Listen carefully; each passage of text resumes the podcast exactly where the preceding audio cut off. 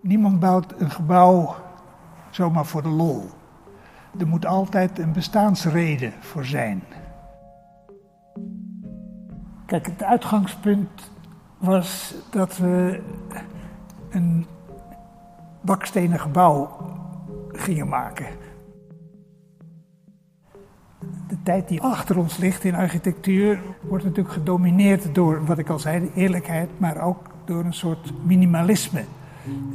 Door te proberen met minimale middelen maximaal ruimtelijk effect te krijgen. Dat is natuurlijk hier het tegenovergestelde. Welkom bij Windoog, een podcast over architectuur. Ieder gebouw vertelt een verhaal. Een gebouwd manifest, een gestrande droom, een uitkomst van een toevallige samenloop van omstandigheden. In gesprek met architecten, gebruikers en opdrachtgevers gaat Windoog op zoek naar de dromen die besloten liggen in het beton, glas en de baksteen van de hedendaagse architectuur. Deze eerste aflevering gaat over het Scheringa Museum en magisch realisme in de polder. Mijn naam is Raymond Diaz en ik maak deze aflevering samen met Stef Bogaerts en Elsbeth Ronner.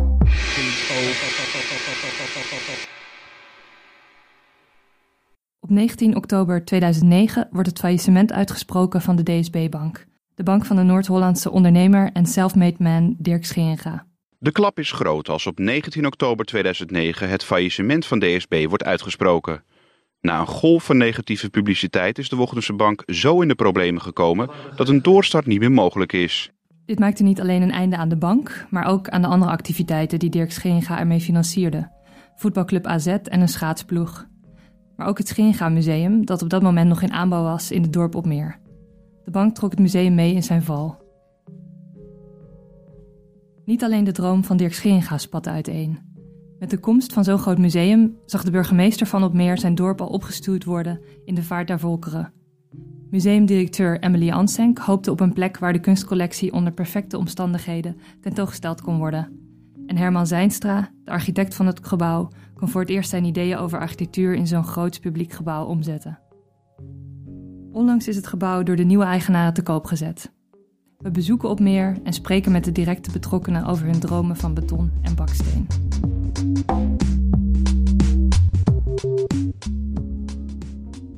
De ingangshal waar je binnenkwam was dus die volledige drie verdiepingen hoge zaal. En dan zou hier in het midden een grote ronde balie komen waar je je kaartje kon kopen. En, uh... Hier horen we Herman Zijnstra. In 2005 gaf Dirk Schinga hem de opdracht een museum te bouwen voor zijn collectie realistische en magisch-realistische kunst.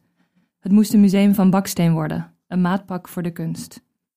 Vier jaar later en twee maanden voor de oplevering van het gebouw ging de DSB-bank failliet. Op 20 oktober 2009 werd de bouw stilgelegd. Er werd beslag gelegd op de collectie kunstwerken die het zou moeten gaan huisvesten en sindsdien staat het gebouw leeg. Samen met Herman Zijnstra zien we kans het gebouw te bezoeken. Asbeth Ronner doet verslag.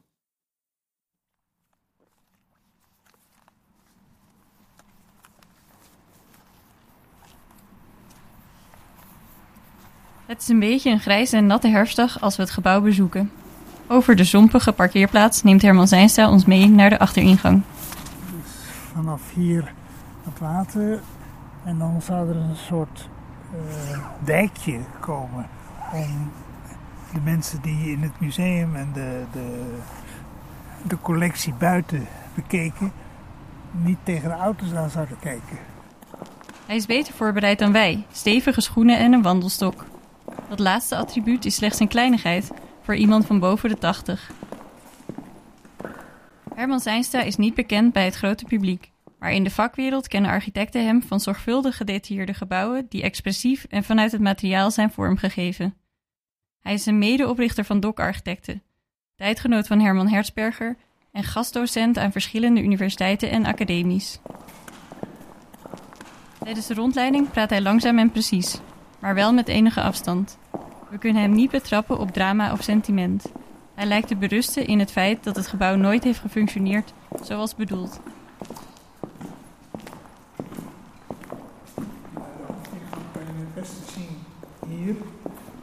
Dit was dus buiten. was een soort droogloop hier, want dit zou allemaal water worden. Tot aan hier. En tot aan die kleine kolom daar. En dan liepen ze droog hier en dan het laatste gedeelte was zo'n glasgeval. Uh, helemaal met een glazen dak. En dan kwam je hier binnen. We staan inmiddels bij de hoofdentree. Vanaf hier is de heldere functionele organisatie zichtbaar. De commerciële functies, zoals de boekwinkel en het café, zijn bij de ingang geplaatst. De collectiezalen liggen daarachter. En aan het eind van de gang zijn de ruimte voor wisselende tentoonstellingen. Ja, die zijn. Nu hebben ze ze geplaatst op basis van de collectie. Dat is helemaal uitgedacht. Hè? Waar komen de schilderijen te hangen? En uh, we hebben ervoor gezorgd dat als dat eventueel later veranderd moet worden, die wanden eruit genomen kunnen worden. Er zit geen enkele leiding in die wand, dus er zit geen, geen uh, elektra of wat dan ook in de wand. En het hout wat je nu ziet in de wanden, dat wordt bekleed straks met een, uh, een soort stof. Omdat ook die tentoonstellingen vaak die wanden geschilderd moeten worden. Dus er zit altijd de mogelijkheid om uh, na een paar jaar een andere kleur te geven. Of uh, behalve het bovenste gedeelte, dat zou dan een absorberende, geluidabsorberende materiaal moeten zijn. De logica van het gebouw wordt kracht bijgezet door een streng grid van 9 bij 9 meter met daarop de kolommen, kolommen van baksteen. Kijk, het uitgangspunt was dat we een bakstenen gebouw gingen maken. Nou heb ik in het verleden een aantal bakstenen gebouwen gemaakt, of eigenlijk één, die helemaal ook constructief van baksteen gemaakt was, dus dragende bakstenen. Nou is dat in Nederland is dat, uh, is dat ontzettend moeilijk, want ten eerste die expertise is er weinig, zeg maar. En ten tweede, het is natuurlijk ook niet goedkoop en ook niet makkelijk. Van, je brengt de bakstenen aan in het begin van de bouw en je ziet het wel. Je moet overal bescherming aanbrengen, eh, want alles moet nog eh, gedaan worden in zo'n gebouw. En eh, de bakstenen worden dan heel gauw beschadigd. Hier zien de bakstenen er nog goed uit. De elementen hebben geen vat gekregen op het gebouw. En van gebruikssporen is vooralsnog geen sprake. De gigantische afmetingen van het museum doen alles in zijn omgeving klein voorkomen. Zelfs de monumentale stolpboerderijen die langs dezelfde weg uitgestrooid zijn. Herman Zijnstra vergelijkt het gebouw met de kathedralen die de dorpjes in Noord-Holland sieren. Dit zijn evengoed gebouwen die qua maat niet passen, maar toch onlosmakelijk verbonden zijn met het Noord-Hollandse landschap. Maar het zijn niet alleen de afmetingen van het gebouw die contrasteren met zijn omgeving. Ook wat betreft materiaal en vormetaal lijkt het gebouw niet op zijn plek. Het is opgebouwd uit oranje-rode baksteen, die net wat feller en ook wat groter zijn dan de bakstenen van de huizen uit de omgeving. Zware bakstenen kolommen dragen dubbele bakstenen bogen, wat de monumentaliteit van het gebouw alleen maar vergroot. De ramen zijn dan weer blauw spiegelend. Dat doet eerder denken aan een uit de kluiten gewassen industriegebouw dan aan een museum. Het gebouw ligt op een prominente plek in het centrum van Opmeer, op een steenworp afstand van het kleine centrum en schuin tegenover het gemeentehuis, waar burgemeester Gert-Jan Nijpons ons later het volgende zal vertellen. De gemeente Opmeer is een, uh, een klein plaatsje in Noord-Holland. Dat ligt tussen de gemeente Hoorn en Schagen in. En wij zijn onderdeel van het prachtige regio West-Friesland. de gemeente met 11.500 inwoners, ik rond het even af. Uh, met bijna het dubbele aantal koeien, melkveekoeien. Dus dat zegt al een beetje de aard van de economie. Uh, heel veel groen, heel veel oude, authentieke woningen, maar ook heel veel authentieke mensen. Het nieuw museum zou dus een enorme impact krijgen op het dorp. De meeste dorpsbewoners keken hier rijkhalzend naar uit. Des te groter was de klap toen het faillissement van de bank uitgesproken werd. De chemie die, die toen was in straten en in het dorp, nou, ik denk als, uh, hoe heet die man, Klein Groenink, hoe heet die vent ook weer van de, van de ABN AMRO? Nou, ze hadden hem gelyncht. Het was echt onze Dirk. Hoe durven jullie? Dus we waren er ook echt klaar met de lantaarnpalen en alles, weet je wel, die we zouden gebruiken en zo, om het allemaal op te vleuren. En toen was het einde oefening. Toen reed hier op vrijdagmiddag een, een, zo'n hoogwerkkraantje van een bedrijf uit Schagen en die reed hier langs met een mannetje erop. En die ging linksaf de, de, provinciale weg op, wat eigenlijk helemaal niet mag. En uh, ik denk, wat raar, dacht ik bij mezelf, wat is er nou toch aan de hand? Dat was negen jaar geleden. Het gebouw werd door de curator in beslag genomen en er ging een slot op de deur. Aanvankelijk werden plannen gemaakt om het Nationaal Museum erin te huisvesten. Toen dat niet doorging, presenteerde de gemeente aan de curator het plan om het gebouw geschikt te maken voor een cluster van scholen. Tot grote spijt van de burgemeester ging de curator niet akkoord met het geboden bedrag. Drie jaar geleden is het gebouw in een online veiling als een van de laatste bezittingen uit de failliete boedel geveild, voor iets minder dan een miljoen. Onlangs is het door de koper, een stel autohandelaren uit Noord-Holland, opnieuw op de markt gebracht. Alles begint met verlangen, zo lezen we op de verkoopwebsite. Hoe kwam Dirk Scheringa bij het idee om een museum te bouwen in Opmeer? En hoe zag zijn collectie van realistische en magisch-realistische kunst er eigenlijk uit? Nou, magisch realisme is eigenlijk een, kunsthistorische titel die opgeplakt is op kunstenaars die nou vanaf de jaren, eind jaren 20, 30 en later uh, realistische uh, kunst maken. Dus dat je zag wat het, de werkelijkheid daarin, maar wat wel mogelijk, maar niet waarschijnlijk was. Aan het woord is Emily Ansenk, voormalig directeur van het Scheringa Museum. Stef Bogaert spreekt haar in haar kantoor in de kunsthal, waar ze sinds 2008 de scepter zwaait. En hoe goed past dit museum bij de collectie? Of zouden we ook nog een hele andere collectie kunnen... Nee, dit, dit, dit museum is echt gebouwd rond de collectie. Dat, is, dat was ook echt bedoeld als een maatpak. Zelfs zo vergaand dat als ik nu weer de tekeningen zie, of de, de, de, de rendering zeg maar, dat, dat we al wisten waar de werken kwamen. Emily Ansenk heeft voor ons haar archief over haar tijd bij het Scheringa Museum opgeduikeld. We zijn verbaasd over de precisie waarmee ze kan vertellen over het totstandkomingsproces en de documenten die ze nog bewaard heeft. Van verslagen van bouwvergaderingen tot boeken met renders van het voorlopig ontwerp. Rustig bladert ze door haar schriften en wijst af en toe een aantekening aan. Kijkend naar de plattegrond hebben we hier die, die kleinere kabinetjes. Die waren bedoeld voor het uh, wat intiemere werk, bijvoorbeeld Jan Mankes. Op 25-jarige leeftijd werd Ansenk door Dirk Scheringa aangesteld als directeur van het nieuw op te richten Frisia Museum in de voormalige huishoudschool in Spanbroek. Dus in 1995 um, uh, ben ik erbij betrokken geweest. Dus ik heb ge gesolliciteerd, zeg maar. Um, uh, en werd aangesteld als uh, directeur van het Frisia Museum. Dat was de oorspronkelijke naam. De collectie had toen een bescheiden omvang. In de kelder van zijn bedrijf stond dus een, een kleine collectie met uh, werk van Karel Willink.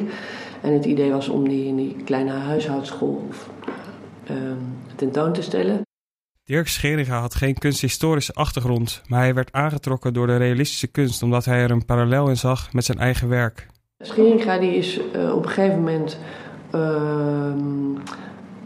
door onder andere Loek Brons, kunsthandelaar in Amsterdam, zeg maar enthousiast gemaakt voor uh, het werk, met name eerst voor uh, Karel Willink. En uh, hij had verder helemaal geen kunsthistorische achtergrond of specifiek kennis over kunst. Maar vond het wel waanzinnig om nou ja, vooral die werken, die portretten van Willink te zien, die heel erg letterlijk realistisch waren. Dus dat je inderdaad de, de aderen op de handen kon zien en de, de oogharen kon van dichtbij kon meebeleven. En hij zag daar een soort van perfectionisme in dat hij zelf ook in zijn zaken nastreefde. Onder Ansengs bewind groeide de collectie in rap tempo. Op zijn hoogtepunt in 2009 bestond de collectie uit meer dan duizend kunstwerken. Dat betekende dat er ongeveer 100 werken per jaar werden bijgekocht. Eerst heel erg gericht op Nederland. Vanaf uh, ehm, 1999 is daar een internationale context bijgekomen. Dus toen zijn we ook gaan kijken naar werken van Dali en Magritte en de Duitse Neue Sachlichkeit kunstenaars.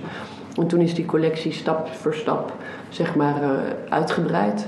Langzamerhand won de groeiende collectie aan relevantie. Het, het was uh, een prachtig overzicht van Nederlands en buitenlands realisme in een, in een tijdsgevricht waarin de Nederlandse musea dat eigenlijk bijna niet lieten zien. Al vrij snel werd de huisartsschool van Spanbroek te klein en werden er plannen gesmeed om te verhuizen naar een nieuw en groter museum. Deze plannen werden steeds concreter toen Scheringa een stuk grond had aangekocht in Opmeer. Ansenk was intensief betrokken bij de totstandkoming van het gebouw. Scheringa had daar heel specifieke wensen over en ik eigenlijk ook. Met name voor de collectie. Uh, het moest uh, een, uh, een, een, daglichtmuseum worden. Dat vonden we heel erg belangrijk. Dat, omdat juist dit soort werken ook um, ja, gaan sprankelen als er een bepaald echt licht op valt. En we uh, we hebben inderdaad letterlijk de uh, vierkante meters zitten berekenen, maar ook hoe groot er dan een, depot moest zijn, omdat er natuurlijk, we verwachten wel een, groei van die collectie. En we, vonden het heel belangrijk dat het publieke gedeelte, dus dat er een goede bibliotheek zou zijn, dat er een goed, uh, goede horeca zou zijn, dat er goede ruimte voor ontvangsten zou zijn. Eigenlijk dingen die um, nu best wel vanzelfsprekend zijn in de gebouwen die nu worden opgeleverd. Het gebouw doet denken aan het museum in Dallas van de Amerikaanse architect Louis Kahn. Ook hij past de monumentale bogen toe met snedes, waardoor het daglicht gefilterd naar binnen komt. Welke gebouwen hebben eigenlijk als voorbeeld gediend? We zijn heel veel gaan kijken in, uh, in Nederland, maar ook in uh, uh, Europa. In Nederland had hij een hele grote voorliefde voor het, voor de, het gemeentemuseum in Den Haag natuurlijk van Berlage is echt gebouwd als museum. Prachtig met uh, nou, baksteen en um, van die mooie geglazuurde tegeltjes. Nou, jullie kennen het wel. Um, en, en ook de lichtwerking in dat museum. Dus dat, dat was het grootste voorbeeld in Nederland. Hij wilde uh, ook heel graag een museum van baksteen, van steen. En um, hij had niks met uh, beton en glas en staal. En, dus het moest een soort ja, familiaire warmte uitstralen uh, in, in zijn idee. We hebben gekeken naar gebouwen van Mario Botta bijvoorbeeld. We hebben natuurlijk gekeken naar het uh, prachtige museum in, uh, van Bayler in, in Basel. Basel. De gemene deler van deze gebouwen is het vakmanschap waarmee ze gebouwd zijn. Daar zat wel ook een koppeling naar, die, naar de favoriete schilders in zijn collectie. Dus de detaillering, uh, mooi, ja, echt vakmanschap. Uh, de uh, ja, dingen die mooi gemaakt zijn, ook enigszins terugkijkend op uh, ja, de, de oude tijd, zeg maar. Hij had ook in zijn, zijn bedrijf was gevestigd in een oud klooster. En er stonden dan de kerkbanken nog in de gang, zeg maar, van dat mooie stevige hout. Dat sprak hem wel aan. In diverse media wordt het museum omschreven als maatpak voor de kunst. We hebben echt bepaalde muren ook neergezet. Bijvoorbeeld voor het, uh, het was een heel waanzinnig werk, keramiekwerk of keramisch werk van Fernand Léger. Dat soort werken hadden al een plek. En er zijn uh, bepaalde ja, zichtlijnen. Het ging heel erg over zichtlijnen, omdat de werken zich ook leenden om uh, van grote afstand te bekijken. En dan wisten we ook dat als je precies hier stond, kon je, heb je, had je zicht op dat werk en dat werk en dat werk. En had je ook een doorkijkje naar het volgende werk. En dat zou dan de bezoeker zeg maar prikkelen om weer verder te lopen. Dus uh, ja, we hadden het eigenlijk in ons hoofd al helemaal ingericht.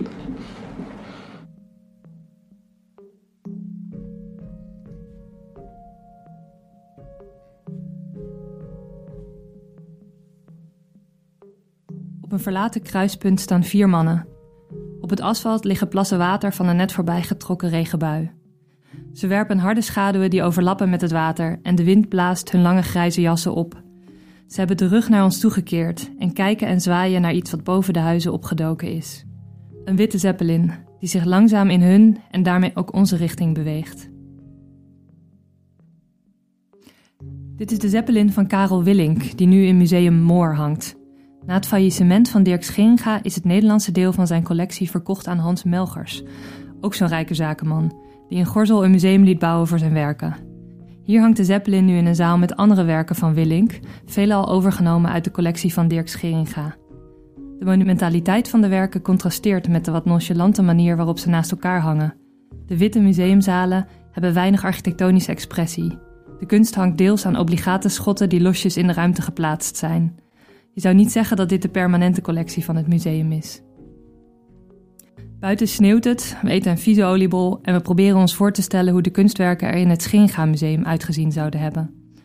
Op basis van Ansengs beschrijving komt het gebouw tot leven.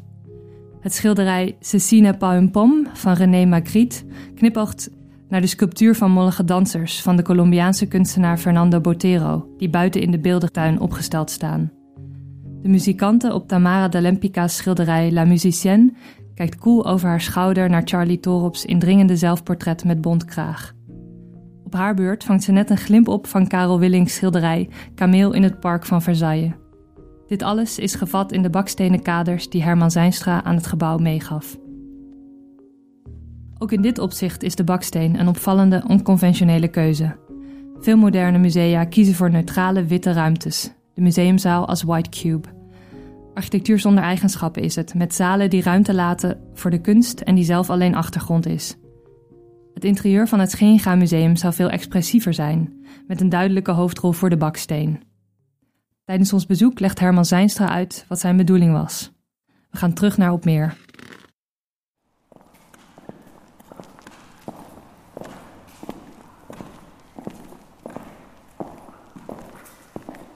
Wat ik wilde op basis van uh, de voorkeuren die uh, Dirk had en ik ook had, en ook zijn verlangen om het een baksteengebouw te laten zijn, uh, wilde ik dat ook echt, om het maar eens banaal te zeggen, dik aanzetten. dus, laten we zeggen, de kolommen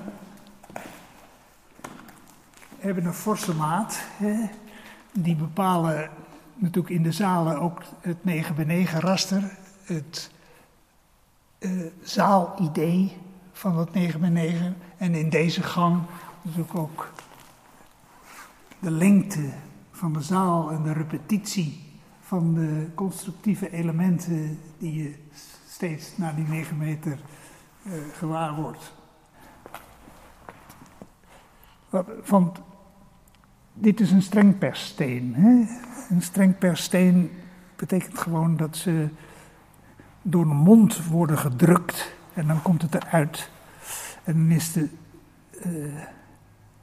die, dat is nog nat, maar dan rust het op een, uh, uh, een plaat, zeg maar, en in die plaat zit een relief verwerkt. En dat is dat relief van de steen. Dus op de steen zit een relief. En het verschil in kleur is gewoon dat ze verschillende soorten klei met elkaar mengen. En dat mengen ze en dat moet dan een bepaalde mengtijd hebben om die kleurnuances uh, nog te kunnen zien. Niet dat het één kleur wordt, maar dat er kleurnuances in zitten. Het raster wordt opgebouwd met kolommen van baksteen. In de kolommen zit een betonkern. Ja, en maar daaromheen? Die, daaromheen is er gemetseld en die zijn vaak gewoon hele stenen. Ja. En uh, die zijn verlijmd. Dat betekent dat ze niet met een dikke voeg met uh, cement op elkaar gestoten, maar met een soort lijm aan elkaar uh, gebakken zijn, zeg maar. Of, en dat betekent dat je ze niet hoeft te voegen, je hoeft ze niet na te voegen. En dat heeft tot gevolg dat je de stenen af kan lezen.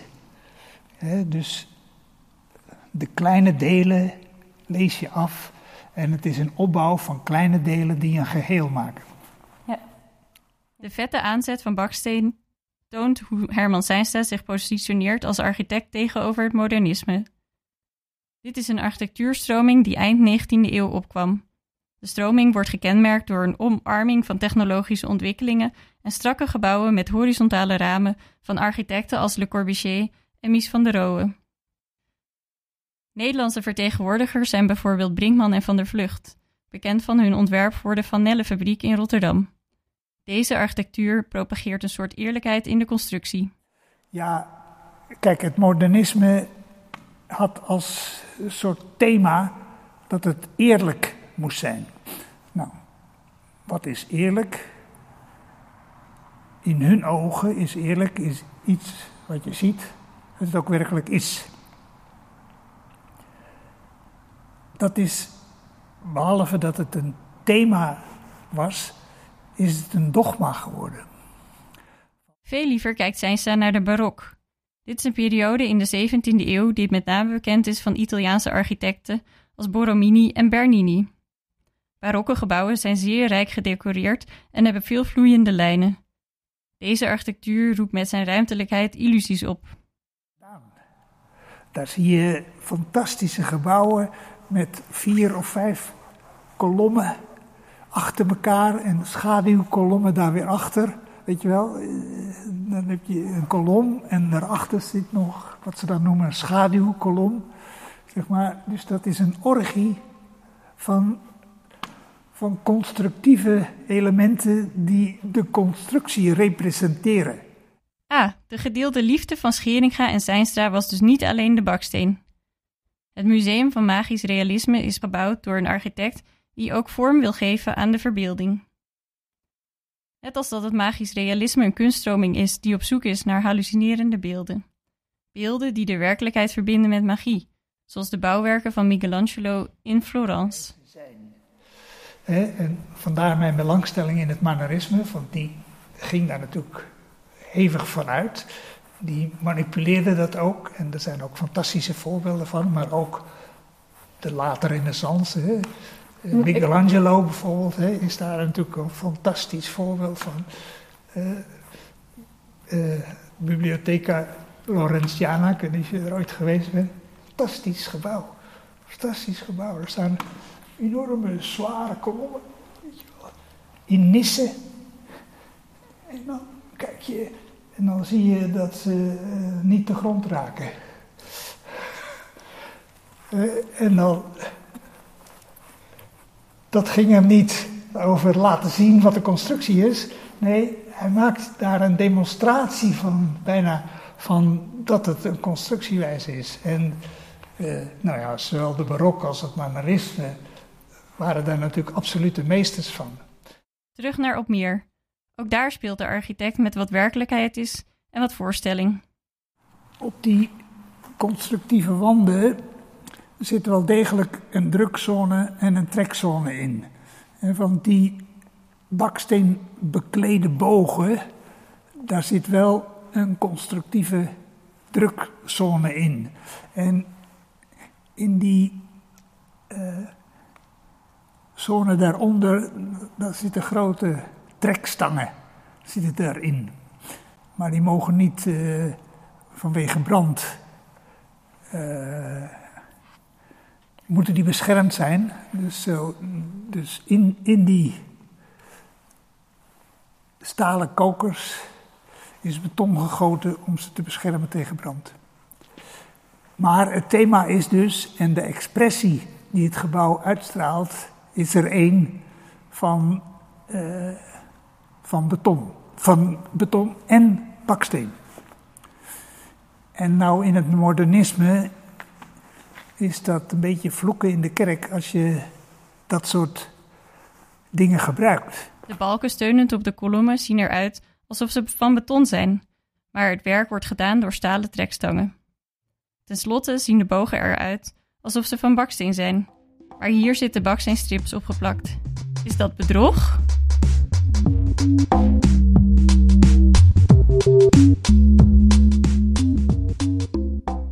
Hoezeer het gebouw als museum ook tot leven komt in de beschrijvingen, het mogen duidelijk zijn dat de collectie het gebouw nooit van binnen zal zien. En dat is jammer, want het gebouw bood een duidelijk alternatief voor de witte museumzaal die in de rest van de Nederlandse musea tegenkomt. Als ruimtes met een specifieke materialiteit en duidelijke expressie zou het Scheringa een welkome aanvulling zijn geweest op het hedendaagse museumlandschap. En een die, zo schatten wij in, zeker past bij de krachtige figuratieve werken die erin zouden komen te hangen. Onlangs is het gebouw door zijn nieuwe eigenaren opnieuw in de verkoop gedaan. Geert Klaver, de verkoopmakelaar, ziet de toekomst zonnig tegemoet. Het museum in Opmeer is absoluut uh, wat mij betreft kathedraal van de kansen, ja. In Opmeer is men na zoveel jaar wat minder optimistisch. Wat vindt u dat er met het gebouw moet gebeuren? Plat. Een seksclub. Nou, dat zou eruit.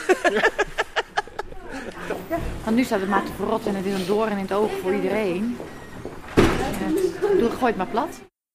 Sloop zal niet snel gebeuren. En omdat het bestemmingsplan door de gemeente iets wat verruimd is, is er nu meer mogelijk met het gebouw dan voorheen.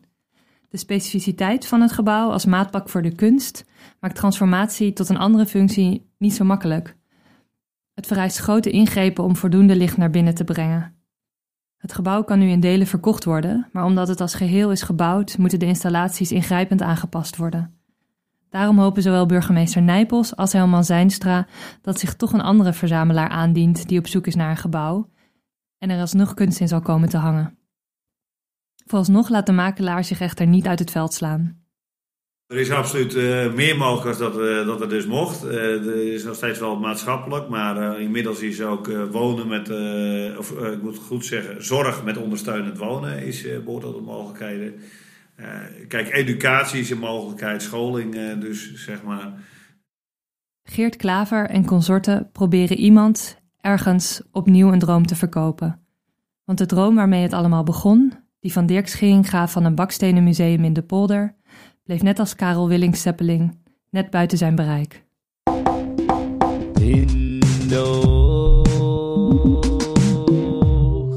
Dit was Windhoog. We zijn veel dank verschuldigd aan Herman Zijnstra, Emily Ansenk, Gert-Jan Nijpels en Geert Klaver. Deze aflevering werd geproduceerd door Elspeth Ronner, Stef Bogaerts en mij, Seremon Diaz. De redactie bestaat verder uit Saskia Naafs, Bart Ritsmans en Samir Bantal. De muziek is van Waldorf, het grafisch ontwerp is gedaan door Team Thursday, de website door Jurgen Belien en de geluidstechniek door Peter van Emten en de faciliteiten van Radio Capelle. Windhoog wordt mede mogelijk gemaakt door het Stimuleringsfonds voor Creatieve Industrie.